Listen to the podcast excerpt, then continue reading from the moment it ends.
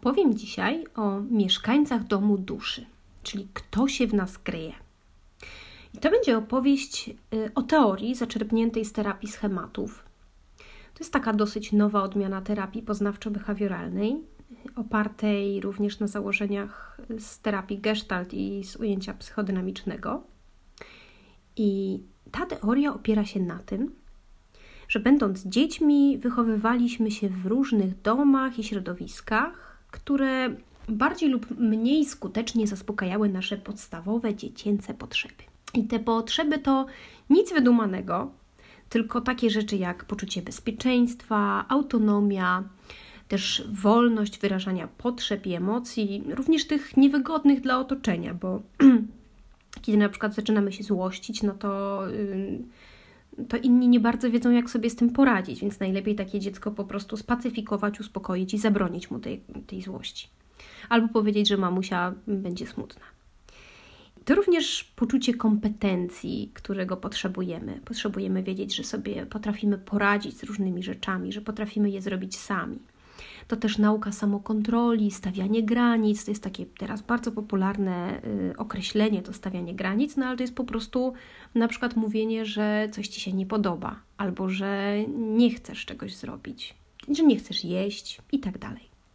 I jeżeli ktoś się wychował w domu, w którym te podstawowe potrzeby nie były zaspokajane, czyli to się w psychologii nazywa, że doświadczył frustracji potrzeb, to wypracował sobie przeróżne zachowania, które wtedy go chroniły i, i, i, były, że tak powiem, no jedyną, jedyną opcją, jak sobie poradzić ze światem naokoło. No ale jak stosujemy je dziś, to już niekoniecznie nam sprzyjają. Opowiem o tym szerzej, ale najpierw skoncentruję się na tym, co to w ogóle mógł być za dom, ten, w którym myśmy się wychowali, ten, ten frustrujący potrzeby. Ano na przykład taki, gdzie dzieci i ryby głosu nie miały, albo złość piękności szkodziła. I złość była na przykład wyśmiewana. Brat na przykład klepał cię po głowie i śmiał się, że jesteś taka śmieszna, jak się złościsz albo był w jakikolwiek inny sposób karany za tę swoją złość czy, czy niezgodę na coś. Czyli nie brano takiego dziecka i nie rozmawiano z nim, nie próbowano go do czegoś przekonać, tylko na przykład krzyczano, mówiono bez dyskusji, y, przylano w tyłek i generalnie koniec z tą złością. To był też taki dom, w którym nie pozwalano na naukę samodzielności. Czyli na przykład wszystko robiono za, za dziecko. Albo to mógł być również dom, w którym stawiano bardzo wysokie wymagania. To taki dom, w którym również na przykład obarczano problemami dorosłych dzieci. I dzieci myślały, że coś tam jest ich winą, albo musiały sobie jakoś e, radzić, e, rozładowywać e, napięcia emocjonalne mamy albo taty. E, to też taki dom, w którym właśnie dorośli rozładowywali na przykład jakieś swoje frustracje na dzieciach, albo z nimi rywalizowali, że na przykład tatuś zawsze musiał być w czymś lepszy i nieważne jak, jak super synek sobie z czymś poradził, a wiadomo, że dziecko zwykle sobie poradzi trochę gorzej niż dorosły, który ma lata praktyki, no to, to właśnie y, jak tatuś musiał zawsze być lepszy, no to, to z takiego domu też wychodzi y, no taki osobliwy dorosły. No i to również dom, w którym na przykład wszystko było brane na chłodno i królowała racjonalność, no a emocjonalność w ogóle wyśmiewano lub odrzucano. Dzisiaj, jak sobie już z tego domu wyszliśmy, to mimo, że jesteśmy jedną osobą, to jednak wewnątrz siedzi kilka postaci. I one różnie reagują na to, co się dzieje naokoło, różnie reagują na trudne sytuacje w swoim życiu, prowadzą dialogi, wchodzą w konflikty, mogą sobie dokuczać, mogą na siebie wpływać, na przykład się buntować również. I ja sobie to wyobrażam jako taką wewnętrzną rodzinkę, taki dom naszego ja. I o tym dzisiaj opowiem w tym domu są zarówno dorośli, jak i dzieci. Ta mieszanka u każdego z nas, tych domowników, jest trochę inna, bo inne mieliśmy właśnie warunki, w których budowaliśmy ten nasz dom i inny wylaliśmy pod niego fundament, fundament na przykład naszej, yy, naszego temperamentu czy, czy różnych później życiowych doświadczeń. Na początek opowiem o takim dobrym, dorosłym, zdrowym i szczęśliwym dziecku. Czyli o tych trybach, bo to się nazywa tryby, w tej terapii schematów, które są ideałem dobrego dorosłego i, i szczęśliwego dziecka. Więc ten zdrowy dorosły to jest taka odpowiedzialna osoba, zarabiająca na życie, biorąca na klatę różne takie niewdzięczne rzeczy, które, które trzeba robić w dorosłym życiu, spełniająca się intelektualnie, też dbająca o zdrowie, patrząca w przód na, na konsekwencje swoich czynów. To jest ten dorosły, który umie rozstrzygać wewnętrzne spory rodziny, w ogóle i zewnętrzne też skutecznie, który ma cierpliwość, potrafi wspierać, brać na kolana smutne dzieci i je przytulać, albo właśnie negocjować z dzieckiem, które czegoś nie chce, albo uszanować w ogóle to, że to dziecko nie chce, uszanować złość i inne trudne emocje. Wie, jak pocieszać, wie również, jak podejmować trudne decyzje. I to jest też osoba, która ma świadomość, że nie wszystko jest możliwe, ale nie stawia przed sobą niepotrzebnych y, zasiek. Radosne, szczęśliwe dziecko z kolei to jest takie dziecko, które miało te, te podstawowe potrzeby spełnione. Jest spokojne i radosne, spontaniczne, lubi się uczyć samodzielności, właśnie lubi robić różne rzeczy samo. E, to dziecko, które dostało troskę i miłość, było chronione i chwalone, i ono się czuje ważne w tej rodzinie i pewne siebie.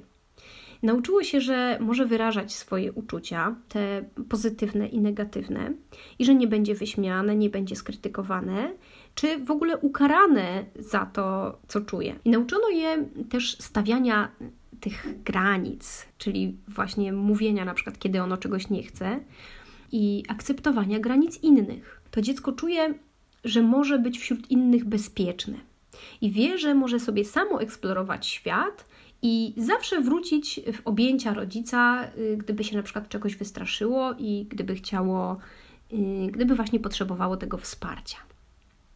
I to jest w ogóle super w momencie, kiedy y, jeżeli my mamy w sobie tego zdrowego dorosłego i jednocześnie to szczęśliwe dziecko, bo ten zdrowy dorosły to jest taka właśnie ostoja i osoba, która nas prowadzi przez życie, jakby załatwia różne sprawy za nas, w cudzysłowie za nas, bo przecież robimy to sami. A to szczęśliwe dziecko daje nam taką spontaniczność, że potrafimy się bawić, y, mieć też przyjemność z życia. To jest taka teoria w bardzo dużym skrócie. Im, Im bardziej te nasze potrzeby były frustrowane, tym więcej mamy też czarnych charakterów. Jak było wszystko w ogóle super, co chyba nie zawsze się tak da, żeby było wszystko super, ale jeżeli większość była super, no to mamy najwięcej tego, tego zdrowego dorosłego i szczęśliwego dziecka. Ale jeżeli te potrzeby były frustrowane, to wytworzyliśmy sobie takie szwarc charaktery. I opowiem o nich, wyjaśniając, kim one dzisiaj w nas są. Otóż mamy tryby rodzicielskie są nieadaptacyjne tryby rodzicielskie. One się nazywają rodzicielskie, ale nie musiały się wcale wziąć od rodziców. To są takie uwewnętrznione, różne ważne dla nas osoby z naszego dzieciństwa, z którymi czuliśmy się mocno związani, które były dla nas ważne, i to mogli oczywiście być rodzice, ale również rodzeństwo, koledzy, przyjaciółka, nauczyciele, panie przedszkolanki, dziadkowie, opiekunowie, ktokolwiek. Więc to jest karzący i wymagający rodzic. I wiemy, że to jest ta postać zinternalizowana, taka nasza wewnętrzna sklejka z bardzo wielu różnych rzeczy, które żeśmy od innych ważnych dla nas osób usłyszeli czy podpatrzyli. Karzący rodzic to jest ten, który sprawia, że zalewamy się pod korek wyrzutami sumienia. I on ciągle wie, doskonale wie, jak nam dowalić, bo zna nasze czułe punkty i ma cały arsenał szpil, których nie zawaha się w te czułe punkty wbić. To jest ten, który depcze nasze poczucie własnej wartości, żeby było takie dobrze uklepane na ziemi. I na przykład mówi nam, że jesteśmy słabi, beznadziejni, krytykuje nas i potrafi używać słów, których byśmy w ogóle nikomu innemu nie powiedzieli. No ale również i takie, które byśmy powiedzieli, ale to są takie słowa niemiłe, niegrzeczne i jako dorosły człowiek to byśmy się za takie słowa wstydzili. Czyli na przykład jesteś głupi, ale jesteś egoistą, myślisz tylko o sobie, wszyscy dookoła cierpią przez ciebie, to wszystko twoja wina i jesteś mazgaj. No więc ten karzący dorosły to skarci nas brutalnie, jak będziemy myśleli też o swoich potrzebach, bo powie nam, że jesteśmy samolubem i powie nam, że w ogóle wszystkich innych trzeba stawiać y, przed nami i to jest ok, a, a my właśnie nie powinniśmy się zachowywać tak roszczeniowo i, i, i właśnie samolubnie. Jest też wymagający rodzic. Ten ma z kolei w, swoich, w swojej takiej skrzyneczce z narzędziami śrubokręty o przeróżnych końcówkach, żeby wciąż móc dokręcać nam śruby. No bo według niego to za mało się staramy. Moglibyśmy lepiej i stać nas na więcej. No i, i w ogóle, co z tego, że ci się udało, skoro Zenkowi udało się lepiej? Ten wymagający rodzic jest takim perfekcjonistą. I on patrzy na nas krytycznie i nieustannie podnosi nam poprzeczkę. I po prostu jak już prawie ci się uda do niej doskoczyć, jak już, no, już prawie czujesz muśnięcie palcami, po prostu, że już jej tam dotykasz, to on z kamienną twarzą przesunie ją o kilka centymetrów wyżej.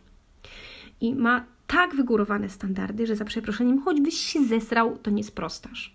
Ten wymagający rodzic ma taki, mm, taką potrzebę skarcenia cię, jak, jak właśnie nawet uda ci się sporo zrobić i już jesteś prawie zadowolony, albo już nawet jesteś zadowolony, to on ci daje takiego psztyczka w ucho i mówi ci jednak, że, że jednak niewystarczająco się postarałeś. Te osoby, które myśmy sobie y, zinternalizowali, czy te, te różne takie głosy, przekonania na nasz temat, czy w ogóle jak należy obsługiwać życie, bo to są przecież różne tego typu przekonania, to one nie musiały się wziąć wcale z tego, że ktoś nas jawnie krzywdził, czy deprecjonował, czy śmiał się z nas albo nas poniżał. Myśmy mogli się nauczyć takich zachowań, podglądając, przyglądając się y, zachowaniom innych ludzi na przykład ten wymagający rodzic mógł się w nas narodzić, bo wychowaliśmy się w ogóle w rywalizacyjnym środowisku. I to mógł być na przykład taki ojciec, który zawsze miał bardzo wysokie wymagania wobec siebie i wobec otoczenia. I był takim absolutnym perfekcjonistą, a to przesiąknęło przez naszą y, skorupkę. Ale mogło też być to po prostu na przykład takie środowisko, że jako dzieci trafiliśmy w podstawówce do takiego y, właśnie wśród, w grono takich dzieci, które były bardzo zdolne, nie wiem, grały w tenisa na lodzie, robiły salto, y, rozwiązując jakieś zadania ciężkie z matematyki, czy trudne. No i, i myśmy się y, właśnie nauczyli tego, że trzeba sobie tę poprzeczkę tak strasznie wysoko stawiać. Dostaliśmy taki wzór. Ale na przykład to mogło być też coś takiego, że y, mała dziewczynka no, oglądała się swojej matki, która jest wiecznie na diecie i która nieustannie dążyła do na przykład tytułu idealnej pani domu, albo jak to trochę bardziej współcześnie, no to jeszcze próbowała być super businesswoman i chciała to wszystko tak pogodzić. No i ta dziewczynka też sobie natłukła do, do swojej małej główki, że, że to musi tak być i jeżeli na przykład potem jesteś tylko bizneswoman e, albo y, tylko idealną panią domu albo matką, no to, to, to w ogóle jesteś do kitu, bo przecież y, powinnaś więcej. I na przykład, że twoja, twój obrus jest zawsze niewystarczająco wyprasowany. No i y, też na przykład, y, jeszcze może podam jeden przykład, bo y, żeby nie było tylko tak trzymania się tych rodziców, że na przykład mógł być brat, który krytykował inne dziewczynki czy kobiety, że są głupie i słabe, a ty byłaś na przykład od niego 4 lata młodsza i on był dla ciebie takim super wzorem do naśladowania, on był najmądrzejszy na świecie. No i ty uwierzyłaś w to, że w ogóle dziewczynki są beznadziejne, a ty, ponieważ jesteś kobietą, no to też jesteś do kitu i i takie sobie wyrobiłaś przekonanie. I to jest już ten twój wewnętrzny rodzic. No im bardziej byliśmy wrażliwi, tym bardziej braliśmy te rzeczy do siebie. No i jako dorośli to sobie sami już teraz powtarzamy te przekonania i tak jak jeszcze raz podkreślam, że ten nasz wewnętrzny rodzic to jest taki zlepek różnych y, takich właśnie osób, które albo bardzo wysoko stawiały sobie, albo nam poprzeczkę, no taki zlepek y, osobowości różnych i przekonań. To, to są właśnie te nieadaptacyjne tryby rodzicielskie w terapii schematów, ale są jeszcze, są jeszcze nieadaptacyjne tryby dziecięce. To jest taka grupka małych stworzeń, które, które żyją w nas, które mogą być wrażliwe i bezbronne, słabe i nieporadne, i złoszczące się, i impulsywne. I to są rzeczy, które są związane na przykład z naszymi, reakcje, które są związane z naszymi też emocjami. Jest wrażliwe dziecko, które jest taką małą, zahukaną biedą. Ono się czuje samotne, porzucone, upokorzone, zależne. Siedzi na krześle ze spuszczonymi ramionkami, buzią w podkówkę, wzrokiem wbitym w uda i takim poczuciem, że jest w ogóle no, beznadziejne, zgarbione i zawstydzone. Ono się właśnie czuje bezwartościowe, niekochane, niegodne, nieudolne. Myśli sobie, że świat je przerasta i ono sobie nigdy nie poradzi, że nikt go nie lubi, nikt się nie będzie chciał z nim bawić ale jest i złoszczące się dziecko, czyli tamto dziecko to było takie związane ze smutkiem i takim pogodzeniem się z beznadziejnym losem, ale jest i złoszczące się dziecko.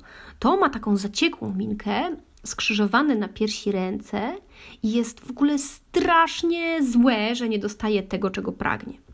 I ono się buntuje, ono się wścieka zamiast smucić i, i może krzyczeć, rzucać się po podłodze i albo wymagać, albo zamykać w sobie uparte, stawiając taki bierny opór wobec wygórowanych żądań i naruszania jego autonomii, bo pamiętamy, że znowu złoszczące się dziecko również reaguje tylko właśnie inaczej na, to, na te frustracje, na te rzeczy, których nie dostało, nie miało zaspokojonych w dzieciństwie. Jest również impulsywne dziecko. To ma jeszcze inną strategię, bo ono sobie wydziera siłą, można powiedzieć, to, czego chce. I ono ma w nosie, że musi na coś czekać, albo że nie powinno czegoś robić. To jest taki właśnie buntownik, ale i trochę olewacz. No ono chce albo nie chce i koniec. I tutaj słowa konsekwencje to nie ma w jego słowniku. Łatwo się zniechęca do czynności, które mu żadnych, żadnej przyjemności nie sprawiają. Nie chce się uczyć odpowiedzialności i ono jest po prostu na nie czyli taki trochę buntownik, ale z drugiej strony właśnie bez patrzenia na konsekwencje, to chce robić wszystko, żeby tylko było fajnie, więc koncentruje się na tych, na dążeniu, pogoni za tymi pozytywnymi emocjami. I te właśnie nieadaptacyjne tryby dziecięce, jak już powiedziałam, że powstały właśnie, w, gdy nasze podstawowe potrzeby nie były zaspokajane, i właściwie to, czy mamy więcej na przykład złoszczącego się dziecka, impulsywnego czy wrażliwego, to może zależeć nasz, od naszego temperamentu, od tego, w jakie emocje chętniej wpadaliśmy, czy też w zależności od tego, jak nas traktowano, no i jaki dawano nam przykład, no bo pamiętamy, że y, część rzeczy tutaj się dzieje przez tak zwane modelowanie, czyli my po prostu patrzymy, na przykład jeżeli rodzice się wściekają, y, to my możemy albo wpaść w tę zależność i, i, i po prostu zamykać się w sobie, w tym wrażliwym dziecku, albo możemy się też złościć i się na nich wkurzać i krzyczeć i, i być buntownikami. No i każdy z nas ma w sobie taką rodzinę, i ona, jak już powiedziałam, nie u wszystkich wygląda tak samo. I mogą, no zapewne mogą przynajmniej mam nadzieję, że są tacy ludzie, w których mieszka ten, tylko ten zdrowe, dorosłe i szczęśliwe dziecko. Ale no, zapewne są też tacy, u których akurat te dwie postaci są bardzo słabe. I w ogóle wielu ludzi nie chce zaakceptować faktu, że ma w sobie to wrażliwe dziecko, czyli właśnie to takie sfrustrowane, mające te wszystkie potrzeby.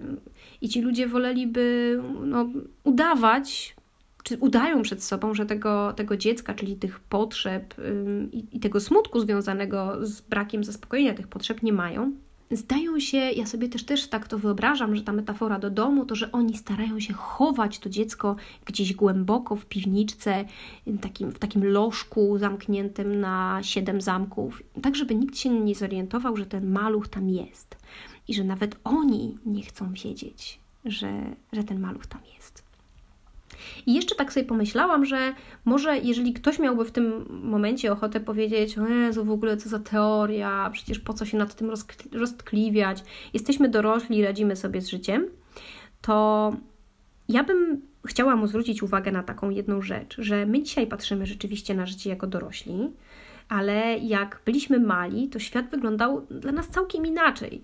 I myśmy byli totalnie zależni od, od tego świata do pewnego momentu, bo na przykład musieliśmy chodzić do szkoły, bo musieliśmy się wychowywać w tym domu i nie mogliśmy na przykład powiedzieć, jak się wkurzaliśmy, to nie, stary, słuchaj, ja wychodzę, albo weź nie wyładowuj na mnie swoich frustracji. No dzisiaj już możemy to powiedzieć, chociaż nie wszyscy potrafią w związku właśnie z, ze swoją historią i obieranymi strategiami ale no też słowa dorosłych miały dla nas dużo większą moc, albo to, że mamusia się smuci, to wiele dzieci yy, bierze ten powód tego smutku na siebie, że one myślą, że że to mamusia się smuci albo złości y, na nich, albo przez nich. Jakby nie wyobrażają sobie, że mamusia tam zupełnie ma inne problemy. To czyni potężną różnicę, bo wtedy po prostu jedynymi możliwościami było wypracowanie sobie właśnie jakichś takich strategii radzenia sobie, no bo nie mogliśmy wyjść zwyczajnie z tej sytuacji. Jest w tym taki, taki konflikt, bo te surowe tryby rodzicielskie, jeżeli nawet już poczuliście, że, że w takie wpadacie, to te surowe tryby rodzicielskie to krytycznie patrzą na te nasze tryby dziecięce i próbują je wciąż wychowywać albo na twardych, albo takich y, racjonalnych, chłodnych, albo nieustannie mierzących wyżej, albo właśnie na poświęcających się, y, bo przecież y, nie można być egoistą. No i to często nam nie służy nawet dzisiaj i nas blokuje. I my reagujemy na przykład jakimiś emocjami nadmiernymi, czy jakimś smutkiem, czy złością, zupełnie w sytuacjach, kiedy nie należałoby tak reagować, bo właśnie coś poruszyło w nas taką delikatną strunę. Mm, I właśnie te tryby sprawiają, że zamiast dbać o siebie w taki zdrowy sposób i dostrzegać swoje ograniczenia y, i możliwości jednocześnie, znać y, te swoje zdolności, czy też cierpliwie dodawać sobie otuchy, to my dowalamy sobie, karcimy się i tworzymy sobie nadmierną presję. I czasami w ogóle nie sięgamy po więcej, no bo zawczasu się poddajemy i taki mamy poczucie po prostu, że nie, no my jesteśmy do kitu i sobie, sobie nie poradzimy. I nawet czasami jest tak, że jeżeli mamy w sobie zbyt wiele tego wymagającego rodzica, to my możemy osiągać nawet wielkie rzeczy, ale nigdy nie być z siebie zadowoleni, no bo przecież zawsze można lepiej. I terapia schematów służy umacnianiu tego zdrowego dorosłego i wyciszaniu tych surowych trybów rodzicielskich, na przykład. Zauważaniu też uczuć i potrzeb tych naszych dziecięcych mieszkańców i uczy nas, y, jak lepiej radzić sobie z różnymi problemami w życiu, czy jak lepiej y, wyrażać swoje emocje, w ogóle, żeby je zauważać po pierwsze, a po drugie, żeby potrafić później y, je wyrazić, właśnie tego, żeby stawiać swoje granice i też szanować granice innych. I to ma nas, y, cała ta praca podczas terapii schematów ma nas doprowadzić do poprawienia swojej samooceny, na przykład do ograniczenia perfekcjonizmu, jeżeli nas on zżera, sprawić też byśmy umieli bardziej zwyczajnie cieszyć się życiem. Myślę sobie, że już samo nazwanie i wyodrębnienie tych trybów może być terapeutyczne, bo mimo, że no, cały czas pozostajesz jedną osobą, to jednak zauważasz, że masz różne oblicza yy, i że to jest normalne. Inni też tak mają. Też wyodrębnienie tych postaci pozwala zauważyć wiele sprzeczności, które my w sobie kryjemy. Również właśnie popracować. Yy, nad y, zdrowszymi, lepszymi zachowaniami. To nie jest wszystko, co, co warto wiedzieć o terapii schematów. To jest wszystko na ten moment, co chciałabym Wam powiedzieć, bo już gadam dosyć długo. Natomiast y, w kolejnym odcinku opowiem Wam o trybach nieadaptacyjnych, trybach radzenia sobie. I to będzie taki trochę może karnawałowy już yy, odcinek, bo przedstawię je w postaci takich ubranek, które my na siebie zakładamy, żeby jakoś yy, radzić sobie z tą rzeczywistością, którą, yy, która nas spotyka. Więc na ten moment dziękuję. To, było, to była opowieść o mieszkańcach naszego osobliwego domu duszy i zapraszam również na mojekoniki.pl, gdzie opowiadam o różnych teoriach psychologicznych, generalnie rzeczach związanych z psychologią. Życzę miłego dnia i do usłyszenia.